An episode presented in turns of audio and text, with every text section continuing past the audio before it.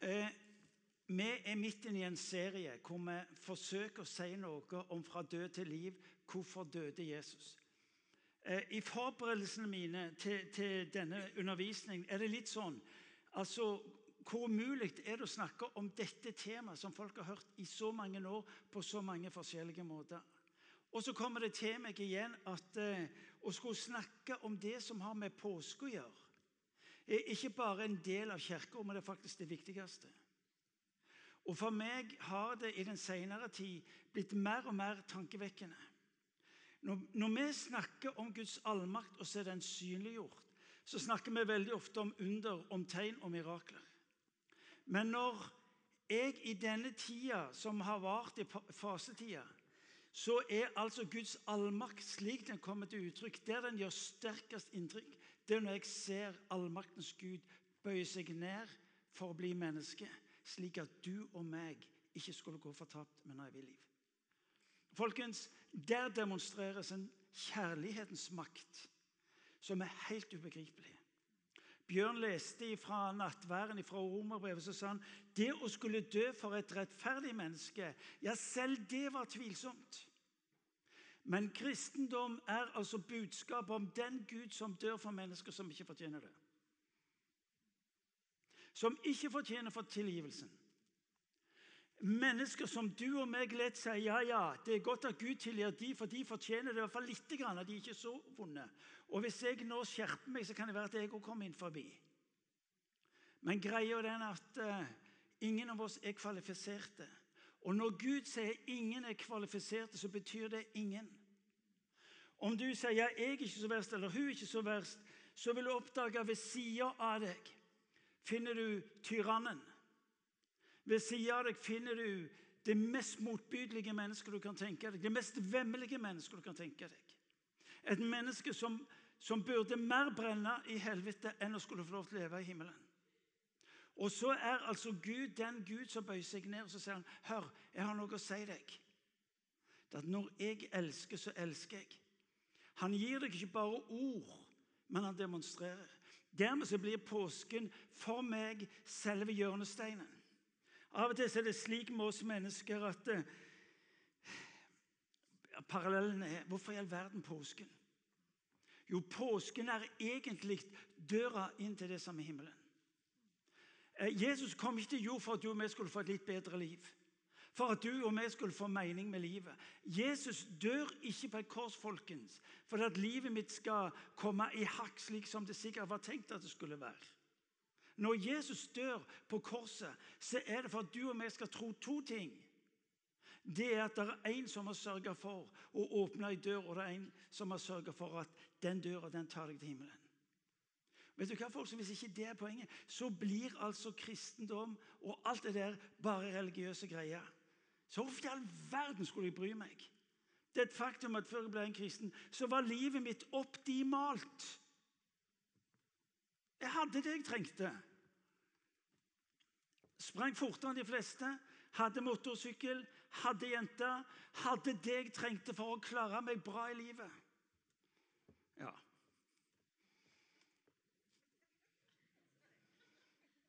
Det hadde filler'n ikke tatt meg til himmelen hvis det var det du lurte på. Nei. Folkens, altfor mange av oss er opptatt med vorspielet. Som tror at livet er å ha et vellykka vorspiel. Det interessante er det interessante er at når folk skal ut på fest, så er det enten forspill eller nachspielet. Har du lagt merke til det? det? Det er jo litt festlig, det der. Altså ja, hvor skal vi forspille? Jo, det skal vi forspille. Ok, ja, men det er bra. Ok, Så, så nærmer det seg slutten. Så, ok, Hvor skal vi ha nachspielet henne? Det er akkurat som om det er begynnelsen og, og slutten som er det viktigste. Og så, så selve hovedgreia det forsvinner et eller annet sted. Din og min vandring på jorda som, om du vil, som dette berømte forspillet. Det vil jo være sørgelig hvis vi trodde at livet var egentlig forspillet. Tida her på denne jorda. Dette må du få tak i nå. Jesus dør på et kors for at du skal vite en gang for alltid at når han dør på korset, så åpner han ei dør til sin himmel. Når han dør på korset, så tar han deg inn i det som er av seg, nemlig evigheten. Folkens, Når jeg snakker om påske, når jeg skal forsøke å si noe om det som har med Jesus å gjøre, og hans lidelse, så, så rører jeg med noe jeg ikke fullt ut forstår. Det er helt riktig som Erik sa. Tro er ikke primært å forstå. Tro er tillit. Tro er dette å skulle Vet du hva, Jesus? Du, du, har, du, har, gitt noe inn i denne verden som er av en sånn karakter at når jeg har sett på det, så, så skjønner jeg Så skjønner jeg at dette kan jeg stole på. Jesus omtalt som det mest unike menneskehistorien. Når folk blir spurt hvis du skulle få lov til å velge ett menneske som du vil være sammen med, så hører du vel jeg vil være sammen med Jeg vil, jeg vil ha sittet og spist middag sammen med Jesus. Så kunne du få tak i hvem var han, hva tenkte han, hvorfor gjorde han det han gjorde, osv. Dette er bare innledningen, men jeg, jeg nærmer meg. Når Jesus dør på korset Når du og meg nå om noen dager skal feire påske, så vil jeg du skal få tak i det andre som jeg kjenner er ubegripelig sterkt, og der Gud har satt en verdi på ditt hode. Igjen og igjen, Hvis det var meg som hadde hatt regien og kontrollen på denne verden, så hadde jeg tenkt vel, hva nok er nok. Så hadde jeg satt strek og sagt dette regnskapet kommer aldri til å gå i hop. Jeg er ferdig. Og så sier jeg jeg begynner på nytt. Vi erklærer en sånn en eh, global konkurs. Alle mennesker utryddes, og så begynner jeg på nytt. Og så lyder det ifra denne allmaktens Gud at så høyt elsker jeg at jeg kan ikke Jeg kan ikke utrydde. Fordi at det jeg har skapt, en del av meg. Så er det altså en pris. Når du ser korset, så skal du vite at det er en pris på ditt hode, bokstavelig talt. En pris som er av en sånn karakter at ingenting han, skal kunne skille deg fra min kjærlighet. Verdien på disse småsteinene som, som glinser litt mer enn de andre, det er jo litt snålt da. Det er jo primært at noen vil betale gysla mye penger for dem. Det har betalt en pris på ditt liv. Og så skal du høre noe av den prisen. Fordi at vi har i fasetida valgt å følge eh, teksten i Matteus evangeliet om Jesus og hva som skjer og skjedde med han. Og Hør nå godt etter. Denne teksten er på et vis veldig detaljert. Og, grunn, og Jeg spurte meg selv hvorfor i all verden er du så detaljert Jesus, på, på det du skriver og gir til oss. Og så slår det meg. Fordi Han vil du skal få tak i ikke bare de store hovedlinjene, med det han gjør inn i tida. Han vil du skal få tak i nyansene. Han vil du skal få tak i de, de små tingene som også har med troverdighet å gjøre. Men de små tingene som på et vis tar deg tett innpå. En Gud som ikke var overflatisk i sitt nærvær, men som er hele seg betalte det som han så var prisen for at mennesket skulle gå klar. Kan jeg få lov til å lese til dere? Jeg tror ikke vi klarer å få teksten opp på skjermen, men, men her skal jeg lese. Og hør nå, Det du nå hører meg lese, det har de lest fra, fra menigheten gjennom hundrevis av år. Denne teksten, slik du hører den, den leste en opp for de små forsamlingene, for de store forsamlingene. Jeg har møtt mennesker som skrev ned Matteus evangeliet for hånd fordi det var for verdifullt å gå glipp av til å bli minnet på det som sto her. Så har altså Gud den allmektige gitt oss ord som skal fortelle hvem Han er, slik at du og meg skal våge å ha tillit til hvem han vil være i ditt og mitt liv. Så leser vi sammen fra Matteus evangeliet kapittel 27, fra vers 27. Folkens, det er noen vers. Men hvis du skjerper deg, er konsentrert, så er det godt mulig du klarer å få det med. Hør. Når Gud skal fortelle om en pris som er betalt, så hør hva han sier. Fra vers 27. Landshøvdingens soldater tok da Jesus med seg inn i borgen og samlet hele vaktstyrken omkring ham. De kledde av ham og hengte en skarlagensrød soldatkappe på ham, flettet en krone av torner og satte den på hodet hans og ga han en stokk i høyre hånd. De falt på kne foran ham, hånte ham og sa, Vær hilset, du jødenes konge. Og de spyttet på ham, tok stokken og slo ham i hodet. De hadde, da de hadde hånt ham, tok de av ham kappen og kledde ham i hans egne klær. La meg gjenta. Det soldatene ikke ser, det er at den de nå begynner å trakassere og håne og spotte, er allmaktens Gud. Når du ser Sønnen, så ser Gud seg selv. Når du er meg opptatt ja, men det var bare Jesus, så vil jeg du skal få tak i disse ordene, denne trakasseringen, denne mishandlingen, denne torturen. En tortur av Han som skapte de menneskene som nå plager han. Hvis du ikke ser det, reduserer du betydningen av hvem det er som mottar denne grenseløse forakt og tortur. Så førte de Jesus bort for å korsfeste ham. På veien ut møtte de en mann fra Kyrene ved navn Simon. Ham tvang de til å bære korset hans. Da de kom til et sted som heter Golgata, det betyr hodeskallen, ga de ham vin blandet med galle. Men han smakte på den, ville han ikke drikke. Så korsfestet de ham, og de delte klærne hans mellom seg ved å kaste lodd om dem. Siden ble de sittende der og holde vakt over ham.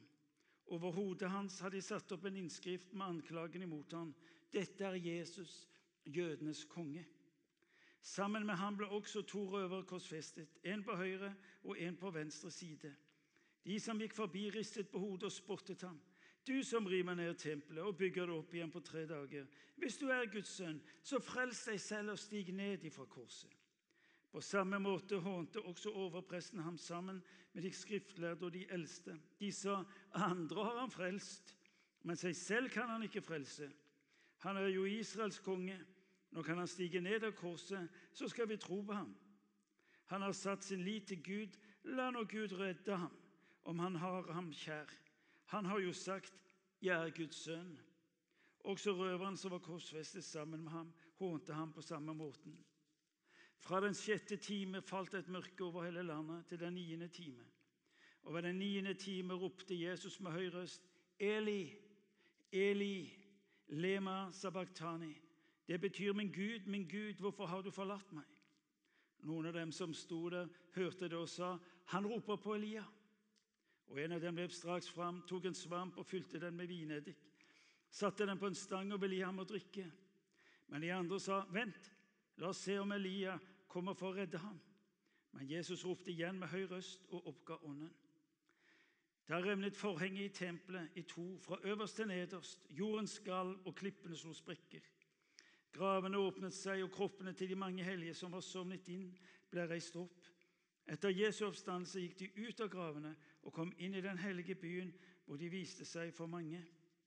Men da offiseren og folkene hans, de som holdt vakt over Jesus, så jordskjelvet og det som hendte, ble de grepet av stor frykt og ubrøtt. Sannelig, han var Guds sønn. Det var også mange kvinner der som sto på avstand og så på. De hadde fulgt Jesus fra Galilea og tjent ham. Blant dem var Maria Magdalena, Maria som var mor til Jakob og Josef og mor til Sebedeus sønnene. Da det ble kveld, kom en rik mann som het Josef.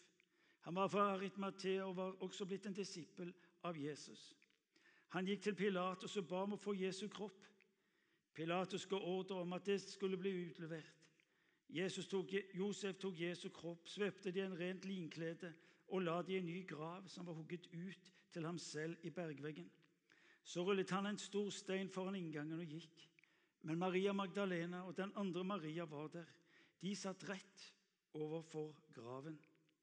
Neste dag, dagen etter forberedelsesdagen, gikk overprestene og fariseerne sammen til Pilatus og sa, 'Herre, vi har kommet til å tenke på hva denne bedrageren sa da han ennå levde.'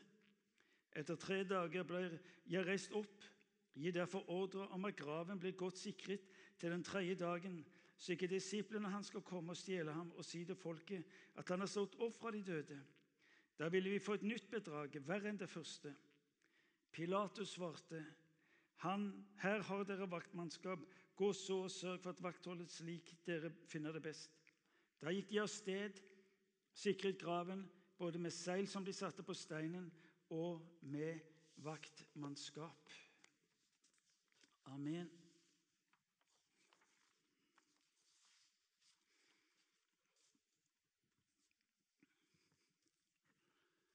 I detalj presenteres veien som Jesus Kristus går for at du og vi skal bli frelst. Det interessante er at når Jesus skal introdusere dette i sin egen samtid Du leser om dette i Johannes evangeliet kapittel 3 vers 14. Så fortelles historien om et møte med Nikodemus, en lærde mann. Og Der han har sine ulike spørsmål, så lyder det plutselig eh, ifra Jesus. Slik som kobberslangen ble løftet opp i ørkenen, slik skal menneskesønnen bli løfta opp. Og plutselig så leser vi om en beretning som alle jøder kjente til. Det var den gangen som du leser om i 4. Mosebok kapittel 20, 21. Det er den beretningen hvor israelsfolket, som altså har blitt ført ut av Egypten 400 års slaveri er forbi. Og Moses forteller folket dere ser omtrentlig landet vi skal til. Hvis vi nå bare gjør det som Gud ber oss om å gjøre, så er vi inne der i løpet av noen uker og måneder. I løpet av denne vandringen skjer det noe med det jødiske folk, som går fra å være etterfølgere til å bli motarbeidere. For det er noe de ikke er fornøyd med. De er ikke fornøyd med maten. Av alle ting presterer altså folket å uttrykke misnøye med situasjonen. Dette er en så eh, vesentlig del av dette folkets historie at enhver jøde kjenner til historien. For historien tar også tar de med inn i en dramatisk situasjon. For følgene av opprøret, følgene av eh, ulydigheten, er altså, er altså at slanger, Gud sender slanger over folket. Og slangene biter, og mennesker begynner å dø. Og så er det som da er typisk menneske. På den ene sida er de misfornøyde. Og Når da den situasjonen fører inn i noe som er vondt, så begynner de å be om tilgivelse og nåde. Gud er en nådefull Gud. Og så sier han til Moses dette folket skal ikke dø. Og så sier han til Moses du skal lage en kobberslange en kobberslange som er så stor at folket kan se den. Når du henger den på en påle midt i leiren, så er dette mitt løftesord. At enhver som ser på denne kobberslangen, skal bli helbreda og ikke dø. Dette sier Jesus i begynnelsen av sin tjeneste. Det er en profeti om. Det er ord som forteller at det skal komme ei tid hvor kobberslangen, slik den fremsto for israelsfolket til frelse en dag, skal igjen bli synlig, men på en annen måte ved at menneskesønnen løftes opp. Og så er det noe som er uhyre interessant. Det at Moses blir bedt om å lage en kobberslange som består av kobber. Kobber er en legering av tinn og en form for kobber. Lag en kobberslange, sier Gud til Moses. Hvorfor kobber? Jo, fordi kobber sier jeg, en legering av tinn og kobber. Og når du smelter de sammen, blir det en ny form for kobber. En ny form hvor du ikke kan skille det igjen. Du kan, du kan ikke legge kobber, denne form for kobber igjen i ilden og så se at de skiller lag. Kobberslangen har et budskap folkens, om at det Gud gjør inn i ditt og mitt liv, det kan ikke reverseres. Det har med nåde å gjøre. Det har noe med en Gud som ikke angrer på det han velger å gjøre når han dør på korset. Det er det ubegripelige. Det var nemlig det som skjedde da Jesus døde på korset. Når Jesus dør på korset, så er det en sammensmeltning hvor det står at han, allmaktens Gud, han blei deg og meg. Og De av dere som var på gudstjenesten for to uker siden, dere hørte meg si Jesus var ikke bare en som tok min plass. Han ble meg.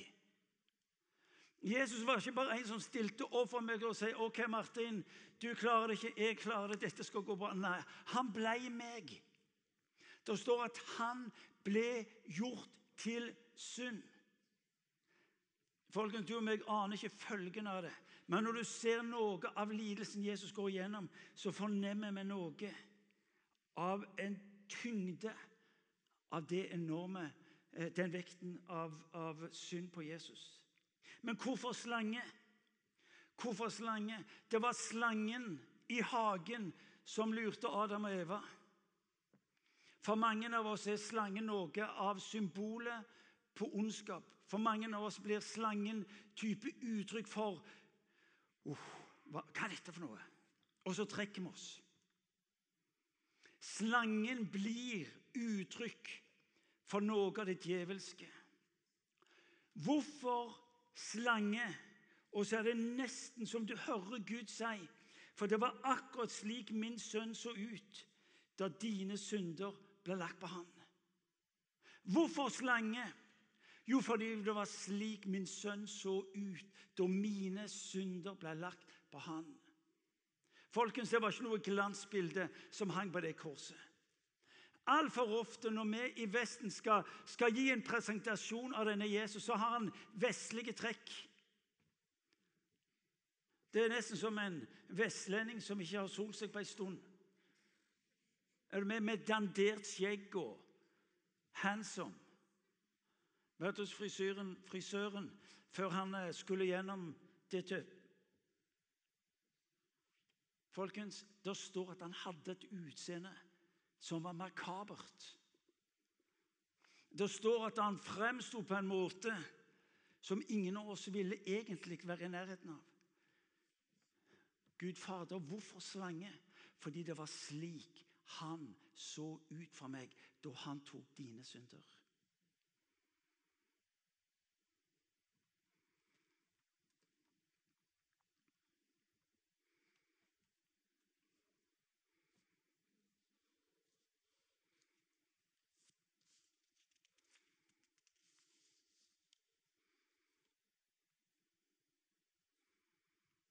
Når Jesus dør på korset Det siste han sier ifølge Guds ord, det er at i dine hender overgir jeg min hånd.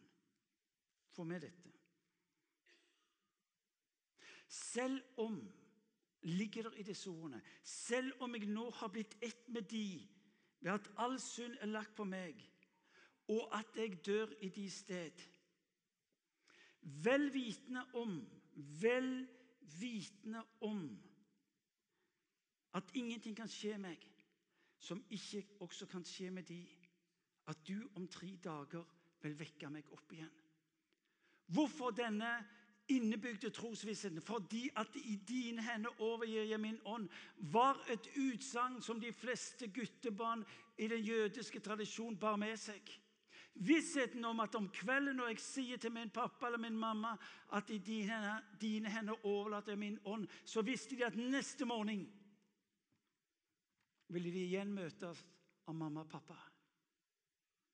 I dine hender overlater jeg min ånd, er Jesus siste ord, vitende at om tre dager skal jeg igjen møte min far. Vel vitende, vel vitende om at det som skjer med meg, skal også skje med de som tror på meg.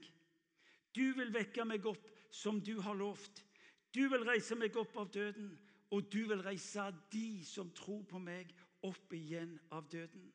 I det øyeblikket Gud reiser Jesus opp ifra døden, er det umulig å ikke reise deg og meg opp fra døden. Halleluja. Så hvis det står i Guds ord at Jesus ble oppreist på den tredje dag, så, står, så kan du si det er meg. For han som dør med ditt ansikt, er også han som oppstår med ditt ansikt.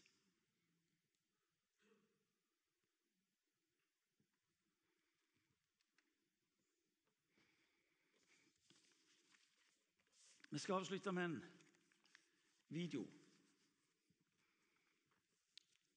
Noen liker han, noen liker han ikke. Det gjør ikke så farlig.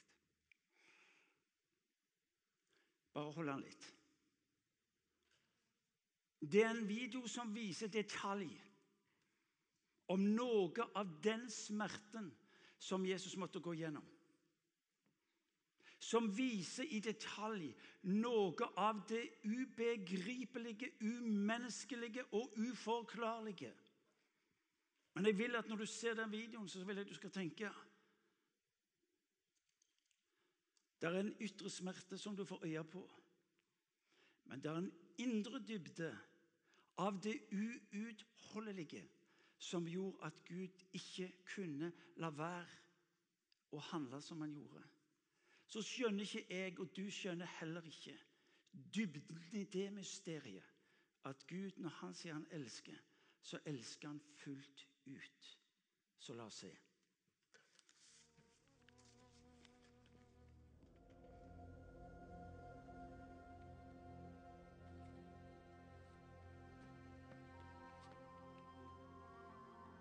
Nama je znakom. Daudi. Sana'ani. Resha. Die Tiavella sikinin be'ale. And radafuli. El defono com. Al tig halon. Yifei menachma. Yehoda kasta. Yelah.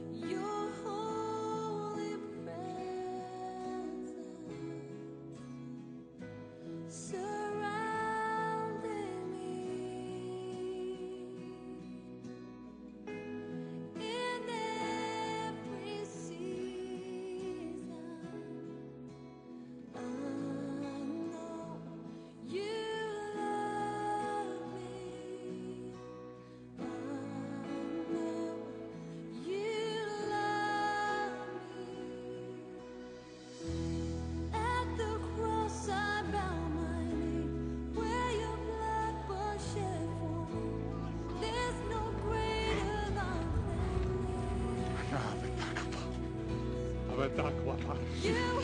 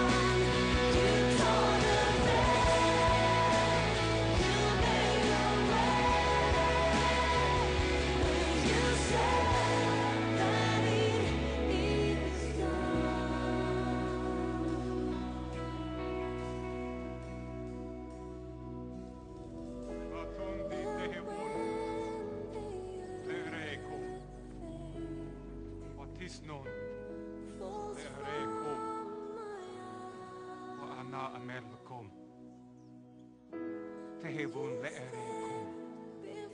Titzalom merada pekum. Taverdi hem tehevon ahavilkum.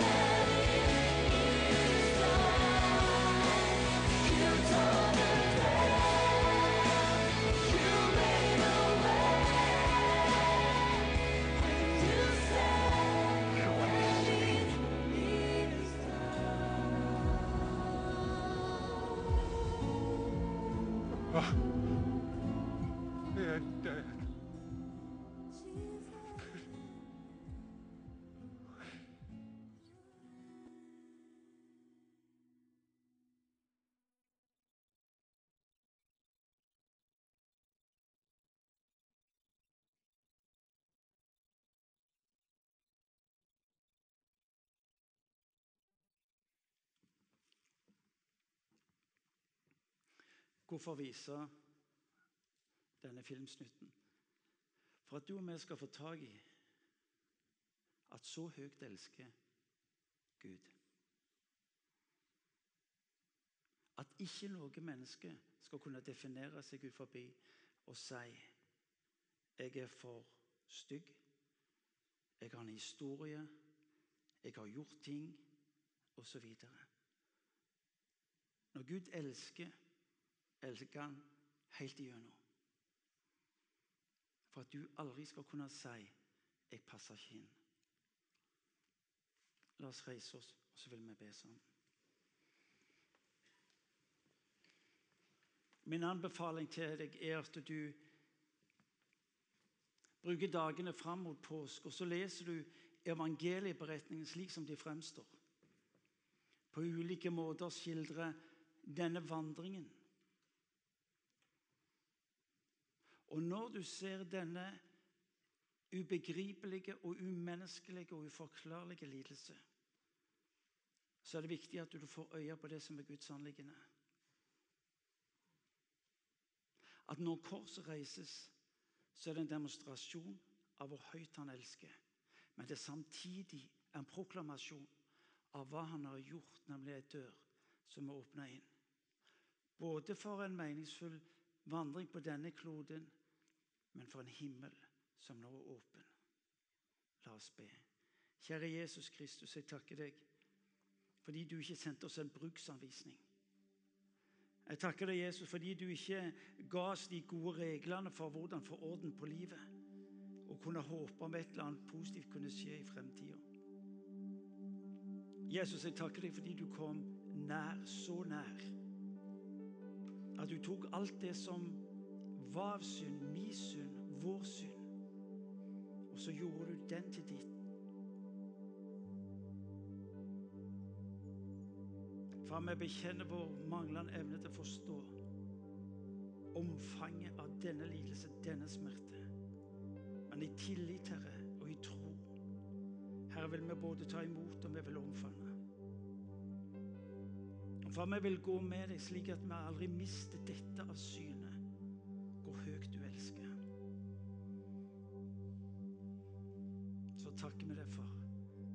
Sier ingenting, ingenting kan skille oss ifra din kjærlighet. Gode far, vi priser ditt navn. Vi takker deg. Så ber jeg for, for den enkelte av oss, som er inne, at du skal forløse herav av, av den kjærlighet i oss og mellom oss.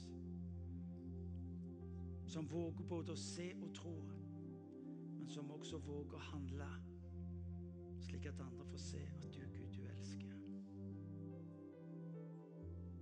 Far, jeg takker deg fordi at du ved Den hellige ånd har utøst av denne kjærlighet i våre hjerter. Til å la denne byen og dette landet erfare, Gud, at du elsker. Far, vi tilber deg med å opphøye ditt